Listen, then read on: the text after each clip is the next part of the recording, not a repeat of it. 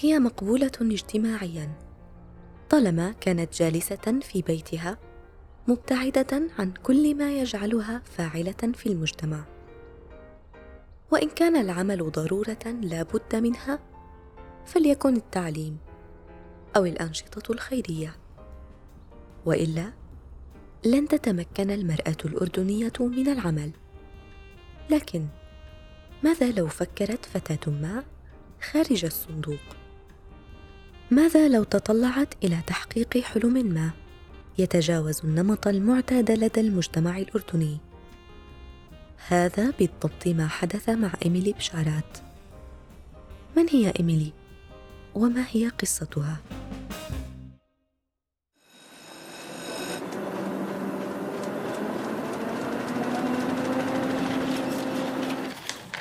عنب بلدي بودكاست.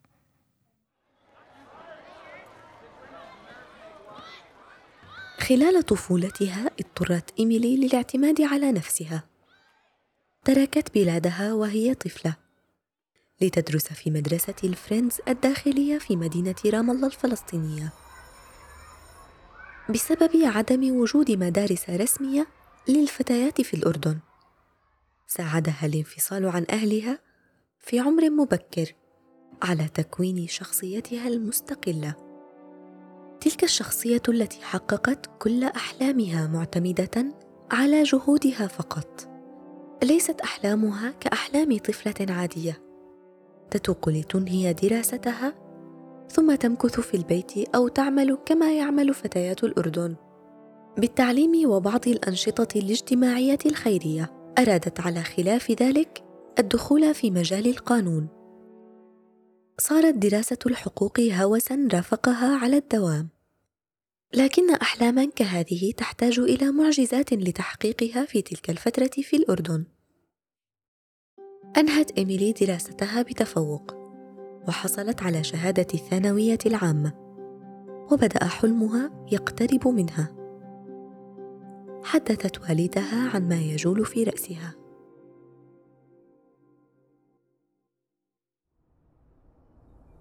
والدي هل لديك وقت؟ أريد محادثتك بموضوع مهم.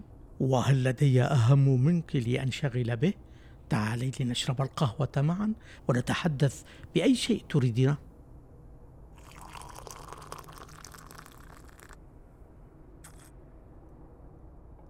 تفضل أبي هذا فنجانك الآن أنا نجحت وحصلت على شهادة الثانوية العامة. أليس كذلك؟ نعم نعم. أنا أكثر رجل حظا في الأردن لأن ابنتي ذكية ومتفوقة. اذا يحق لي أن أختار المجال الذي أريد الالتحاق به؟ مم. قولي يا ابنتي ما الذي يدور في رأسك؟ أريد دراسة الحقوق. أشعر أنني خلقت لأكون محامية. لا لا لا لا يا ابنتي لك الحق بإكمال دراستك. لكن ضمن ما يتيحه لنا مجتمعنا لن ننسلخ عن عاداتنا مهما كان الثمن. لكن أبي؟ لا أريد نقاشا أعتقد أن كلامي كان كافيا. لم يقبل والدها فالتزمت بقراره. هو معروف بكرمه وقوة شخصيته. رجل منفتح وليس متعصب بدليل أنه علم كل بناته. وإيميلي أصغرهن لكنه متمسك بالعادات بنفس الوقت. ولديه شرط أساسي لإكمال الفتاة تعليمها. هو عدم الاختلاط بالذكور. وبما أن العمل بالتدريس كان متاحا للفتيات التحقت بالكلية السورية اللبنانية لتنال تعليمها باللغة الإنجليزية. وبسبب تفوقها عينت لتدريس اللغة الإنجليزية في عمان لتكون من المعلمات الأوائل في الأردن. كما عينت في وزارة التربية والتعليم في مدينة كفرسوم عام 1932 التدريس لم يكن هدفها الأساسي لكنها كانت متفوقة وحصلت على شهادات عليا في مجال التدريس. العمل في مجال الحقوق ما زال مسيطرا على مسار حياتها. لا شيء ينذر بتحقيق حلمها. لا الظروف ولا الواقع. ووفاة والدها زادت عليها الهموم. كان والدها سندا لها. بموته فقدت الكثير. لكنها عادت للتفكير بدراسة الحقوق وإكمال ما بدأت تفكر به. لكنها الآن لا تملك المال. عائلتها من أكثر عائلات ثراء في الأردن. لكن بوفاة والدها خلقت معضلة جديده حول الميراث.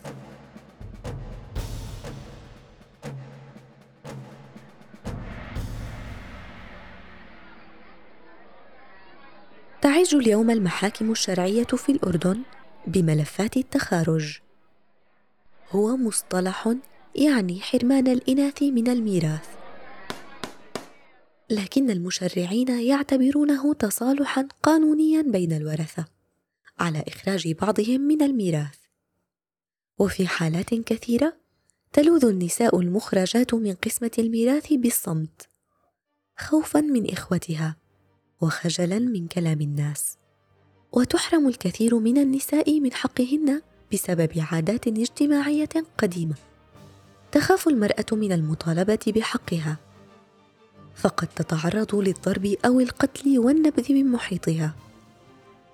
فتكره على التنازل. وهذا لا يقتصر على المسلمين في الأردن فقط. فالنساء المسيحيات يعانين من نفس المشاكل. بسبب قانون الميراث الذي تستند إليه كنائس الأردن في تقسيم الميراث. لذلك لم يختلف حال إيميلي عن حال نساء الأردن. ولم يصلها من مال والدها المتوفى شيء. صارت تفكر كيف ستعيد ترتيب حياتها. أنا اليوم هنا لأخبركم بقراري وأفضل إخبار أهلي وإخوتي اولا.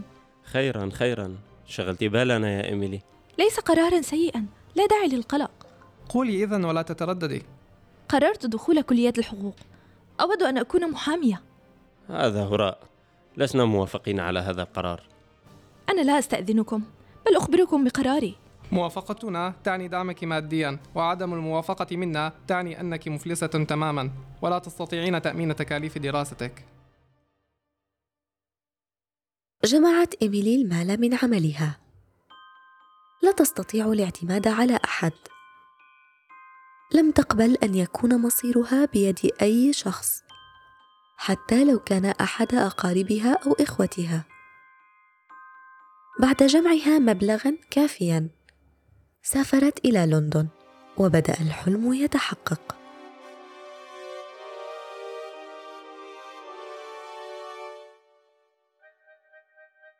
حين دخلت كلية الحقوق في جامعة متروبوليتان ثم تخرجت وحصلت على شهادة جامعية في القانون. لتعود إلى الأردن وتكون المحامية الأولى هناك. عملت إيميلي بمهنة المحاماة في بلدها. عملت بما تحب أخيرا. تفوقت على نفسها وحققت ذاتها. مارست مهنتها من المنزل دون افتتاح مكتب أو أي مظهر من مظاهر الترف. ثم صارت عضوا في مجلس نقابة المحامين الأردنيين. لا تريد إيميلي تكرار ما حدث معها من حرمان تحقيق الحلم. لأي من نساء الأردن. فكرت. كيف يمكن تسيير تجربتها الحياتية لصالح كل النساء؟ وساعدها على تحقيق ذلك ذكاؤها ووعيها السياسي. هي امرأة ذكية.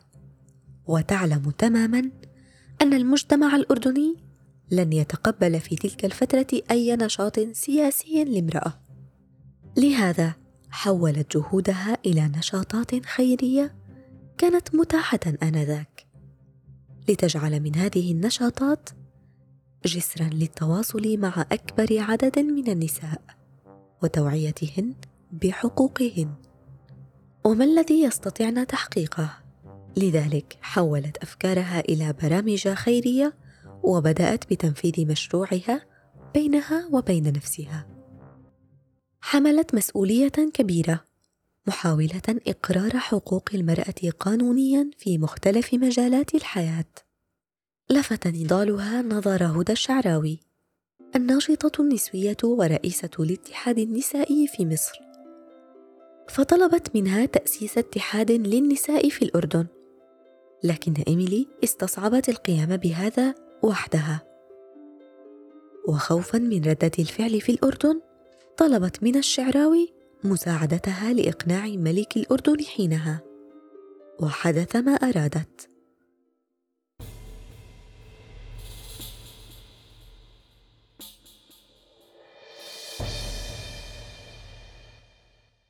عام 1945 انطلق الاتحاد النسائي الأردني وإيميلي كانت على رأسه. واستمر يدعو بالمساواة بين النساء والرجال والوحدة العربية وغيرها الكثير من القيم والحقوق. بقي على ذلك حتى عام 1957 في ذلك العام حدث ما حدث. وحالت الظروف دون استمرار الاتحاد وتم إغلاقه. لم تستسلم إيميلي. وشكلت اتحادا بمسمى آخر. هو اتحاد المرأة العربية. أسسته مع عدد من النساء المؤمنات بقضاياهن. وفي تلك الفترة كرست إيميلي وقتها وجهدها للكتابة في المجلات والصحف. خاضت من خلالها بمواضيع اجتماعية تعالج وضع النساء ووضع المجتمع الأردني والعربي كله. كما بثت أفكارها عن تحرير المرأة من خلال ندواتها ومحاضرات في اتحاد المرأة.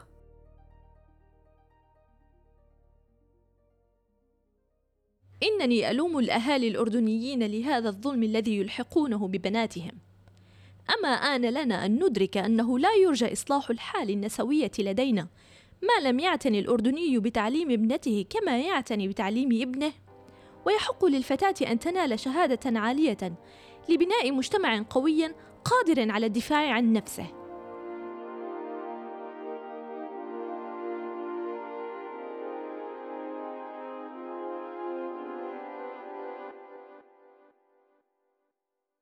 عام 1957 في عام تأسيسه حل اتحاد المرأة. ككل الأحزاب التي حلت في ذلك العام. وبقي الحال كذلك حتى عام 1957 حين تم تأسيس الاتحاد النسائي الأردني. وكانت إيميلي بالطبع إحدى المنتسبات للاتحاد فهي لن تفوت فرصة كهذه. واستغلتها مع زميلاتها فذهبت على رأس عدد من النساء إلى رئيس الحكومة الأردنية. للمطالبة بحق المرأة بالانتخاب والترشح في الأردن. وبذلت الكثير لأجل ذلك. دافعت عن حق نساء بلدها بقوة وإصرار. نشاطاتها الكثيرة والمتنوعة أكسبتها تعاطفا ومحبة واحتراما من الكثيرين. ليس لشخصها فقط. بل بسبب ما قدمته للأردن. فأسست ميتما كان الأول في بلدها وأنشأت مدرسة لتعليم الفتيات التمريض والرعاية الصحية عام 1953 ومع كل ما فعلته كانت دائما تقابل بالرفض من قبل بعض الأردنيين بسبب تمسكهم ببعض العادات. بالإضافة إلى إغلاق النقابات المتكرر. فما كان منها إلا أن عبرت عن حزنها من خلال بقائها في المنزل لفترات طويلة.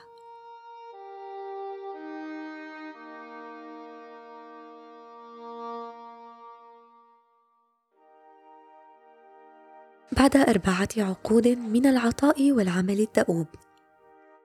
انتهى مشوار إيميلي. توفيت بعد عراكها مع المرض عام 2004 مقدمة آخر ما تستطيع تقديمه. منحت ثروتها للجمعيات الخيرية والكنائس.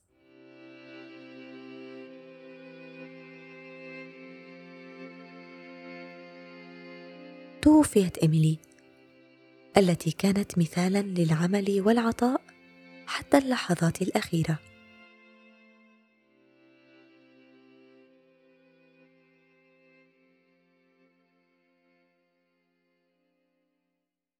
استمعتم إلى بودكاست نساء من عنب بلدي.